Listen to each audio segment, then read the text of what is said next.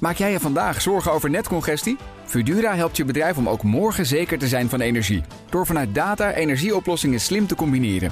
Zo installeren we bijvoorbeeld een batterij om je extra opgewekte zonne-energie niet verloren te laten gaan. Kun jij onbezorgd verder met vandaag? Kijk op Fudura.nl. Fudura, de verandering voor. BNR Beurs wordt mede mogelijk gemaakt door Bridge Fund. Make money smile. BNR Nieuwsradio. BNR Beurs. Wesley Weert, Jelle Maasbach. Ja, daar zijn we weer. We hebben weer het leukste, opvallendste en belangrijkste beursnieuws voor je op een rijtje gezet. Op deze donderdag 30 november.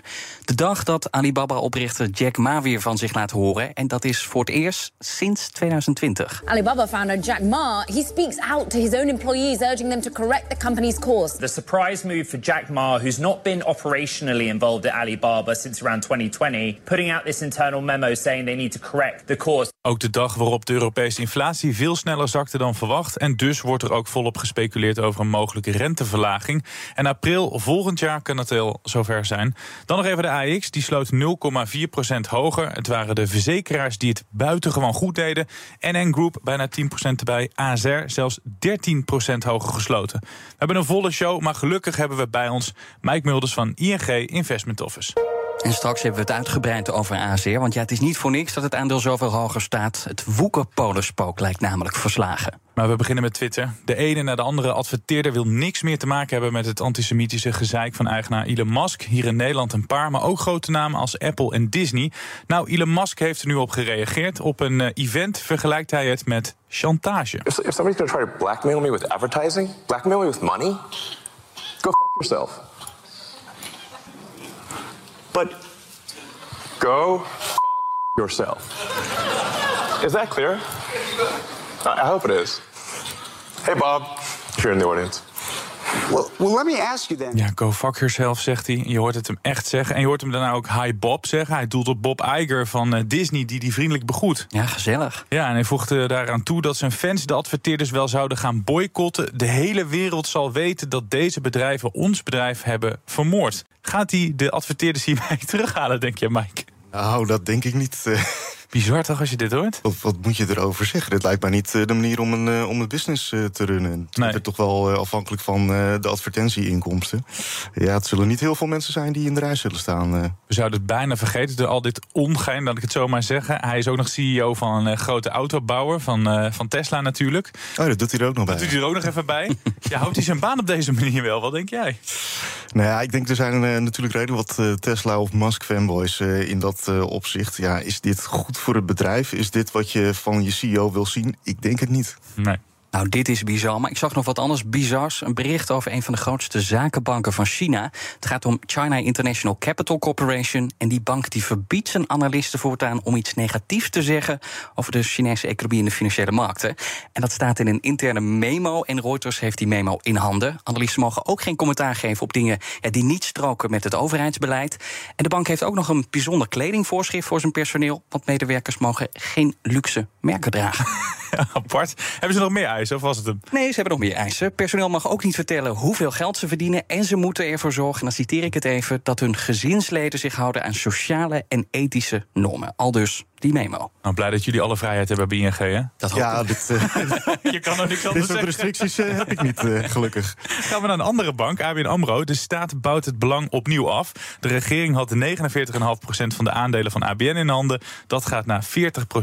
Ja, en daarmee wordt ook de belastingbetaler beetje bij beetje minder eigenaar. Iets dat we met z'n allen werden tijdens de kredietcrisis in 2008. De Nederlandse regering neemt alle Nederlandse onderdelen van de Fortis groep over en betaalt daarvoor voor 16,8 miljard euro. Gefeliciteerd u. Wij allen zijn eigenaar geworden van het Nederlandse deel van het Fortis-concern. Ja, snap je dat de staat nu uh, verkoopt? Want laatst kwam ABN met uh, wat teleurstellende cijfers... waardoor de, de koers een tik kreeg. Dus was dit dan wel het moment? Nou ja, kijk, ik denk de koers is duidelijk. Hè. We moeten dat, we, de overheid moet dat belang natuurlijk af, afbouwen. Ja. ja, als je kijkt, is dit het juiste moment? Ik denk dat ook vooral de vraag is: moet de overheid zich als een soort van belegger gaan gedragen die de markt probeert te timen? Ik denk dat we dat niet moeten willen. Is dit het beste punt? Nee. Volgens mij de overheid had hem op een 26 euro per aandeel moeten verkopen om break-even mhm. te draaien. Nou ja, dat, zat, dat zit ver boven de introductie. Die zat op 17 3 kwart euro. En ook op de huidige koers.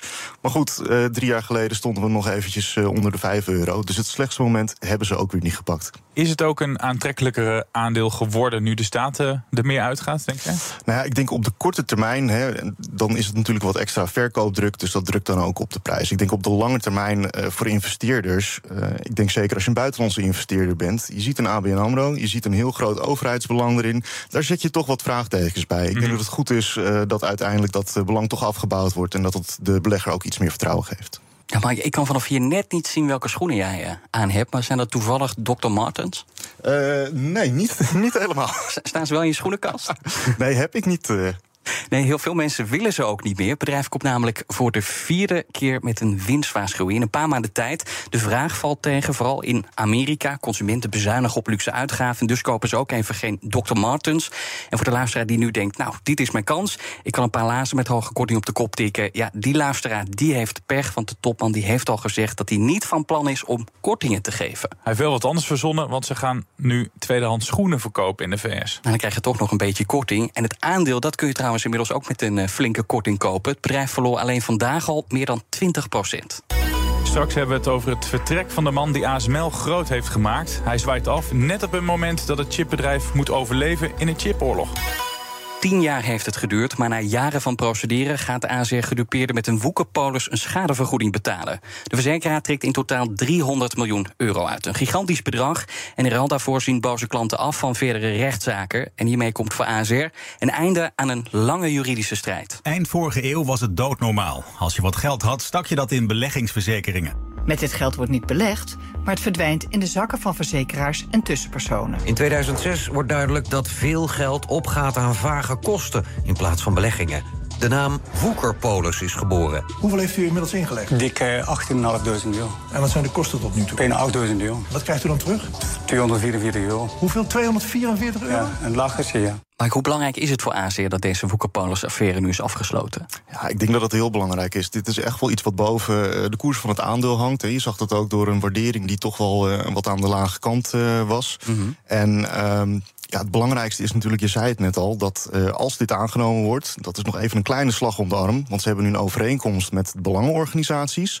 Vervolgens moet meer dan 90% van de leden instemmen. Maar ik denk als je naar de koers kijkt van uh, ASR vandaag, dat de verwachting is dat dat wel uh, gaat gebeuren. En ASR koopt hiermee dus in feite zekerheid. Maar is dit ook het beste wat de verzekeraar had kunnen doen?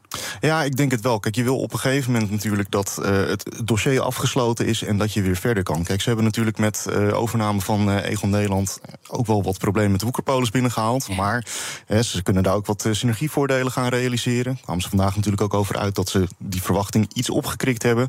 Maar ja, zolang zo'n woekerpolis de bakel nog boven het aandeel hangt, zijn beleggers niet zo heel geïnteresseerd in, uh, in die synergievoordelen. Ik denk nu dat dat voorbij is, kunnen we echt meer kijken naar het operationele rijlen zeilen van, uh, van een bedrijf.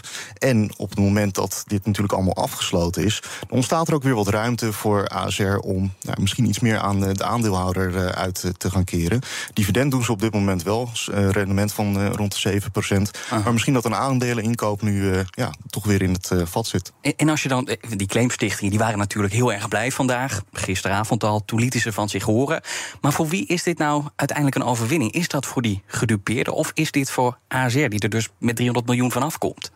Ja, of dit de juiste prijs is voor de gedupeerde, daar durf ik niks over te zeggen. Maar ik kan me wel voorstellen dat die op een gegeven moment ook duidelijkheid willen. Ook willen weten waar ze aan toe zijn en dan ook uh, door kunnen. Uh, ik denk ook, de, voor de beleggers is het natuurlijk goed. Nou, nogmaals, zagen we vandaag ook uh, op de beurs. Ja. Of het de juiste prijs is. Ja, ja, daar ga ik niet aan wagen. Nou ja, er waren ook analisten die hadden een veel hogere prijs ingeprijsd. Die hebben schattingen ja. gemaakt. Er waren schattingen tot bijna 900 miljoen euro. Ja, dan 300 miljoen klinkt niet zoveel. Waardoor valt die schade uiteindelijk lager uit? Is dat, valt het te verklaren? Nou ja, kijk, zo'n zo'n inschatting is natuurlijk heel lastig om te maken. Je weet ongeveer hoeveel gedupeerden er zijn. Maar ja, uh, de producten zijn niet allemaal hetzelfde. Dus daar moet je een inschatting uh, in maken. En ik denk, als jij nou een analist bent, dan zit je natuurlijk liever aan de iets ruime kant dan dat je tekort zit. Dus ik denk dat ze hem daarom ietsje hoger uh, ingeschaald hadden. Maar goed, ja, je zag vandaag toch wel een, een opluchting op de markt. Ja, en je zag dus ook andere verzekeraars omhoog gaan. We hadden het net over NN, 10% erbij. Zijn die andere verzekeraars ook daardoor dichter bij een deal? Nou ja, ik denk dat het wel een positief signaal is. Volgens mij zag ik ook een berichtje voorbij komen dat NN nu ook uh, serieus uh, in gesprek wil met de belangenorganisaties. Ja. Dit stemt natuurlijk wel positief. Kijk, ik denk de producten ook tussen NN en, en ACR waren niet helemaal hetzelfde. Dus ik zou hem niet één op één willen vertalen. Maar nee. het ziet er rooskleurig uit. Maar als een beetje in die terminologie van dat spook blijft, dat spook dat hing de hele tijd boven, zou je kunnen zeggen, verzekeringsaandelen. Dat is nu weg. Dan worden misschien die verzekeringsaandelen ook wat interessanter. Halloween is voorbij en we kunnen naar de kerst kijken, zou ik zeggen. we bouwen een feestje. Nee, inderdaad, dat, uh, wat ik eerder ook al zei, dat, dat drukt gewoon uh, ja. het, op het aandeel. Want beleggers hebben geen zin in die onzekerheid. Dus afsluiten en door. En is ASR dan ook het interessantste Nederlandse aandeel in die verzekeringsbranche op dit moment? Nou ja, ik denk ACR die heeft natuurlijk een hele sterke marktpositie uh, hier uh, in Nederland. Uh, een uh, dividendrendement van 7%. Ook als je kijkt naar de waardering, zit ze nu rond de 7,2. Dat is, als je het met wat grotere verzekeraars vergelijkt, niet heel hoog. Maar goed, hè, we moeten natuurlijk eerst ook zien dat die, die samengang met, met Egon Nederland goed gaat. En ik denk wel, um, als je hem vergelijkt met wat grotere verzekeraars, dan heb je het over een Allianz, over een AXA. Die zitten toch wat hoger uh, in de waardering, zijn dus iets duurdere aandelen, mm -hmm. maar die zijn ook wat breder gespreid. Kijk, Nederland is natuurlijk traditioneel gezien een best wel oververzekerd land. Um, misschien gaan we volgend jaar uh, met onze goede voornemers even ons huishoudboekje erbij pakken. Ja, dan zou het wat tegen kunnen vallen. Ik denk ook dat de groei die we hier kunnen verwachten van ACR puur in Nederland, ja, die is toch wat minder groot dan als je wereldwijd zit. Meer dan tien jaar stond hij aan het roer van ASML. Onder zijn leiding ging de omzet keer vier en wist hij de beurskoers te vertienvoudigen. Peter Wenning miste ASML, stapt volgend jaar op. De man die van de chipmachinemaker iets unieks maakte. Nee, ik denk dat op dit moment deze technologie zo geavanceerd is... Uh, dat uh, zelfs de Japanners hebben er, zijn er tien jaar geleden mee opgehouden. Wij zijn eigenlijk het enige bedrijf ter wereld. Ik moet zeggen, het ecosysteem wat wij hebben ge dus georganiseerd... dat is ASML met alle leveranciers en partners. Ja, dat is het, uh, dat is het enige bedrijf dus ter wereld wat deze technologie kan maken. Zijn opvolger heeft een wat minder Hollandse naam, namelijk Christophe Fouquet. Het is een Fransman die nu Chief Business Officer is en al 15 jaar werkt voor de onderneming. Well, thank you very much. I think uh, you realize that this is an incredible honor to have been selected as the next uh, CEO of ASML and of course to succeed this uh, great man. We beginnen altijd met de complimenten voor de vertrekkend topman, ook champagne past mooi bij die Fransman. Hoe gaat uh, Wenning de boeken in? Nou ja, ik denk toch wel als een, een heel succesvol CEO. Je zei het net al, koers 10 jaar 930 procent erbij. En hij stond ook wel bekend als iemand...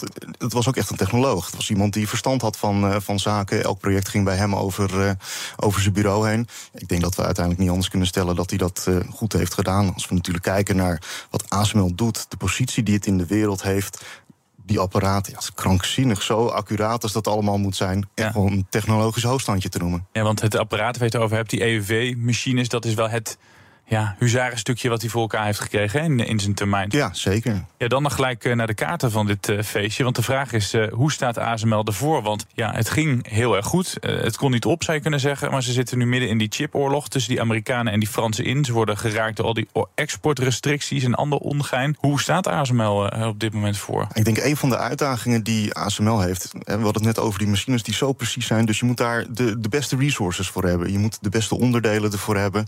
Als je bijvoorbeeld een lens ervoor moet hebben, kan je niet zeggen van, nou ja, ik kan nu even door geopolitieke spanningen niet van, een uh, leverancier die lenzen krijgen. Ik uh, duik even het internet op, ga het ergens anders halen.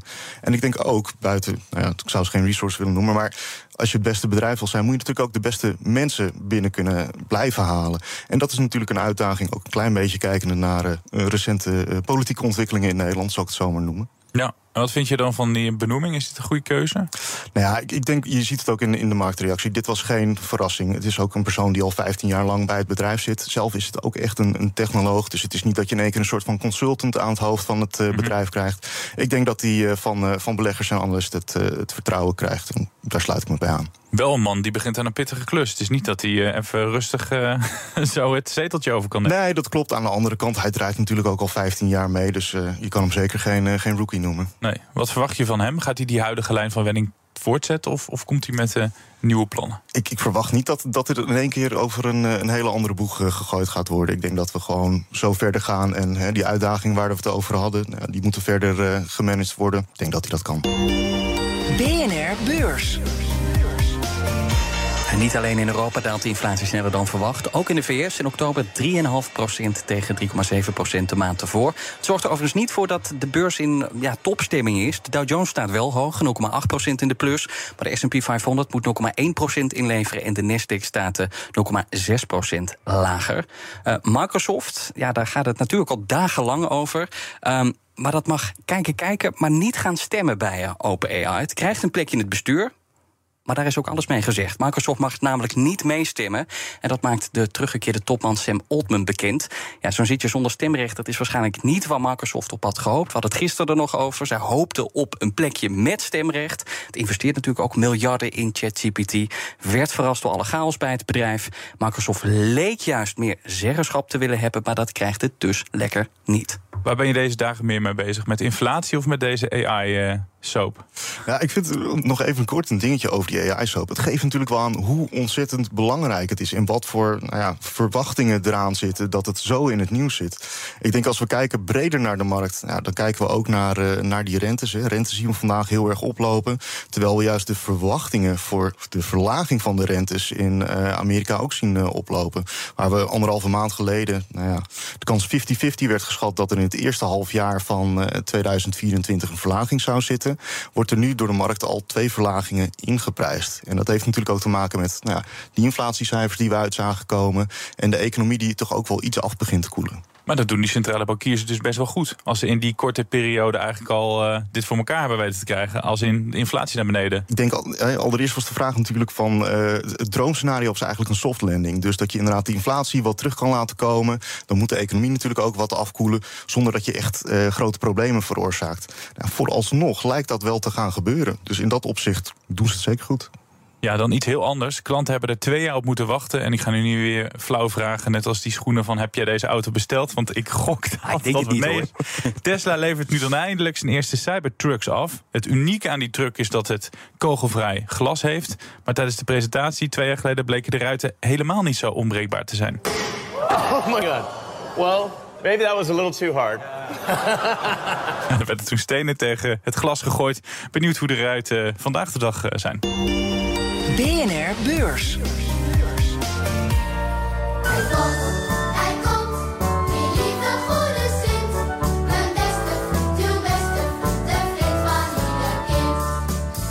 Sinterklaas heeft het druk dit jaar en daarom zet hij een aantal hulp Sinterklaas in. Zij moeten hem helpen met het uitdelen van cadeaus. En dus deze hele week de vraag aan onze gasten van BNR Beurs: wat zou jij in de schoen stoppen? Ja, Mike, jij gaat naar het uh, luxe warenhuis, heb ik begrepen. Welk aandeel uh, wordt het? Ik heb uh, LVMA meegenomen. Louis Vuitton uh, Hennessy, om dat dan maar even mooi uit te spreken. Ik moet ook zeggen, mijn inspiratie kwam toch een beetje uit de kerstmuziek die ik alvast aan heb gezet. Volgens mij wordt er meer dan voldoende reclame gemaakt voor alle merken die het modehuis onder zich heeft hangen. Ik denk, als we het over cadeautjes hebben, het is ook een beetje de cadeaukaart onder de, uh, de aandelen. Of je nou van schoenen houdt, van mode, van sterke dranken of andere zaken. Je kan het allemaal vinden bij LVMA. Ja, en het aandeel is ook iets minder duur geworden. Is dat nog een reden om voor dit, voor dit merk, voor dit bedrijf te kiezen? Nou, zeker weten. Ik denk als je kijkt naar, uh, naar de waardering, zitten volgens mij nu op 21,5 keer. Dat is niet mega goedkoop te noemen. Het is ook wel ietsje afgekomen. Reden erachter is natuurlijk ook al logisch. Hè. Je had het net al even over Doc Martens. We zien dat toch de consument wil een beetje terug aan het houden is in zijn uh, discretionaire spending, zeg maar. Aan de andere kant denk ik ook wel dat, ja, stel, hè, we gaan toch iets meer naar een recessiescenario. Toch een economie die wat afkoelt. Ja, de mensen die de producten van LVMA uh, daarvoor konden betalen, kunnen dat daarna waarschijnlijk ook nog wel. Wat verwacht je dan voor, voor aankomend jaar? Als, als het gaat om die vraag naar luxe producten. Blijft die op dit niveau? Neemt die af? Of, of zie je dat toch weer aantrekken? Nou, bij LVMA zien we dat de laatste kwartalen is dat toch wel ietsje af aan het, uh, aan het nemen. Nogmaals, dat vind ik ook niet zo heel gek. Maar ik denk op de lange termijn dat je gewoon een hartstikke mooi aandeel hebt met hele sterke producten. En uh, ja, ook uh, een van mijn favoriete producten die ze dan verkopen. Maar toch dachten we, want we, we hebben het over dit aandeel ook het hele jaar gehad. Dit is ook mm -hmm. wel het aandeel misschien wel van het jaar. Ja. Begin van het jaar hoorden we ook constant signalen. Nou, dit zijn merken die gaan helemaal geen last hebben van recessie, van economische neergang. Toch zie je dat ook deze bedrijven er wel degelijk last van hebben. Zij zien ook dat klanten afhaken. Dus is het wel zo'n garantie in tijden van een mogelijke recessie? Nou, garantie natuurlijk niet. Ik denk dat je wel ziet dat eh, op het moment dat de rentes weer wat gaan dalen, wat de verwachting is, dan is het wel een bedrijf wat een heel robuust uh, groeipatroon heeft. Ook als je kijkt naar de komende jaren, zit daar echt wel groei in. Op het moment dat de rentes gaan dalen, moet je toch wel de groeiaandelen hebben. Mm -hmm. Ik denk dat we LVMA er wel ook onder mogen schalen. En waarom dan LVMA, maar bijvoorbeeld geen Hermes? Geen Hermes? Hermes. Oh, Hermes. Uh, nou, ik denk dat uh, het mooie aan LVMA is dat het uh, heel Mijn breed... Mijn uitspraak niet goed? Dan kan Mike net wat beter dan jij. Ja. nee, ik dacht dat je zat nog in de schoenen met de Air Max. Hoe heet die ASML-topman ook alweer? Ja? nee, ik denk dat het mooie aan LVMA is dat ze heel uh, breed zijn. Hè. Ze zitten niet op één of twee merken. Ze hebben volgens mij 75 verschillende grote merken onder zich. En ook echt over verschillende productcategorieën. Ja, ik zag gisteren een vooruitblik van CNBC op de Amerikaanse economie op volgend jaar. Ze zeggen die Amerikaanse die gaat minder uitgeven. Ik zie dat bij LVMA dat uh, de grootste ja, bron van inkomsten is. Die Amerikaanse markt is uh, goed voor 37% van de omzet. Ja, die is flink. Kijk, wat je natuurlijk ook ziet is dat uh, de Chinese consument is daar ook heel uh, belangrijk in. ja, dat is natuurlijk met die lockdowns daar is dat een stuk minder geworden. Mm -hmm. Dat zie je dan ook weer terug. Niet alleen de verkopen in, in China zelf, maar ook in Europa, ook in, in Amerika. Um, dat zou wel weer wat, wat aan kunnen trekken nu dat het toch weer wat, wat meer open gaat. Maar zijn ze dan niet te afhankelijk van die Amerikaanse markt? Uh, nou, in dat opzicht niet. Kijk, ze zijn, wat ik zeg, best wel breed gespreid over de wereld. Hè. Tuurlijk, de Amerikaanse consument is uh, een groot onderdeel van, uh, van de omzet. Er uh -huh. zijn natuurlijk ook veel groot consumerende inwoners. Maar wat mij betreft is het breed genoeg gespreid. Je moet wel trouwens flink wat geld hebben om het bij iemand in de schoen te stoppen. Ruim 700 euro. Dus je moet diegene wel aardig vinden. Nou ja, ik dacht dat is inderdaad een vrij groot aandeel om in te pakken. Maar volgens mij is dat niet het grootste aandeel in deze reeks. Kom ik er nog redelijk goed weg. Dat is zeker Ja, we hadden gisteren een van 8000 uh, ja, euro. Precies. Dit is dan wel bescheiden. Nou, als de banencijfers uit de VS komen, dan noemt men dat Payroll Friday. En uh, zo'n toffe naam, die hebben we niet voor de inkoopmanagers. Helaas. Zo tegen het weekend staan er geen bedrijfscijfers meer op de rol. Maar ja, daar heb je eigenlijk ook helemaal geen ruimte voor. Want het is namelijk weer de dag van de inkoopmanagers. Van over de hele wereld komen die met hun prognoses. En je weet hoe dat gaat. Ze vullen enquêtes in. Wat verslechtert er? Wat verbetert er? En ze vertellen je wat ze verwachten in te kopen. En daarmee vertellen ze je eigenlijk hoe de economie zich ontwikkelt. Ze beginnen in Japan en China. Vervolgens wordt Nederland wakker. En daarop komen alle grote Europese economieën. Met, ja, hoe kan het ook anders, de VS als hekkensluiter. Ben je overtuigd van een recessie of juist van een hele zachte landing van de economie? Ja, dan kan je vandaag je hart ophalen. Dit was de BNR-beurs van donderdag 30 november. De triple A kwam voorbij en dat had niks met een rating te maken. We bespraken ASR. De verzekeraar is ineens in trek bij beleggers. Nu zij het Woekerpolen-spook zien wegwaaien. ABN AMRO ziet grote aandeelhouder de staat weer een beetje meer vertrekken. En ASML ziet de topman vertrekken, maar ziet een oude bekende het werk overnemen. We hadden het erover met uh, Mike. Geen A, maar wel goed. Mike Mulders van ING Investment Office, dankjewel dat je er was. Wij zijn er morgen weer. Morgen is het vrijdag. Dat betekent, heb je vragen, stel ze, stuur ze naar bnrbeurs.bnr.nl. En wie weet hoor je jouw vraag en ook het antwoord morgen terugkomen. Zeggen wij tot morgen. Tot morgen. BNR Beurs wordt mede mogelijk gemaakt door Bridge Fund. Make money smile. Maak jij je vandaag zorgen over netcongestie? Fudura helpt je bedrijf om ook morgen zeker te zijn van energie. Door vanuit data energieoplossingen slim te combineren. Zo installeren wij bijvoorbeeld een batterij om je extra opgewekte zonne-energie niet verloren te laten gaan. Kun jij onbezorgd verder met vandaag? Kijk op Fudura.nl. Fudura, de verandering voor.